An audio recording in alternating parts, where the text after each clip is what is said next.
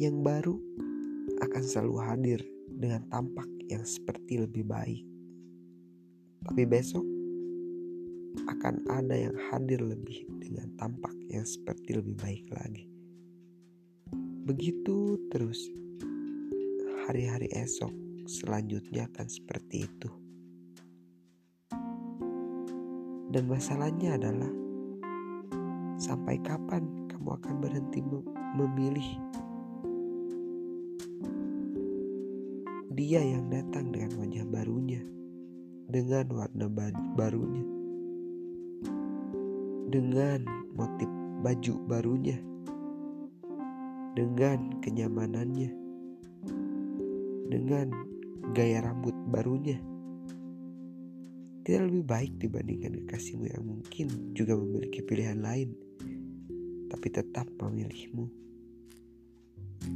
Merasa cukup dengan kamu,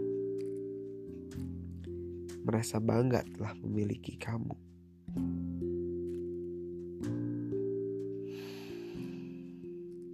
Merasa cukup dengan kamu dan bersyukuri akan kehadiran kamu.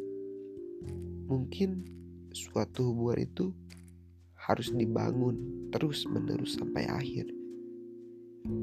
Bukan bongkar pasang seperti motor yang turun mesin.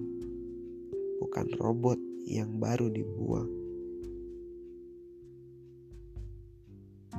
Jadi, untuk kamu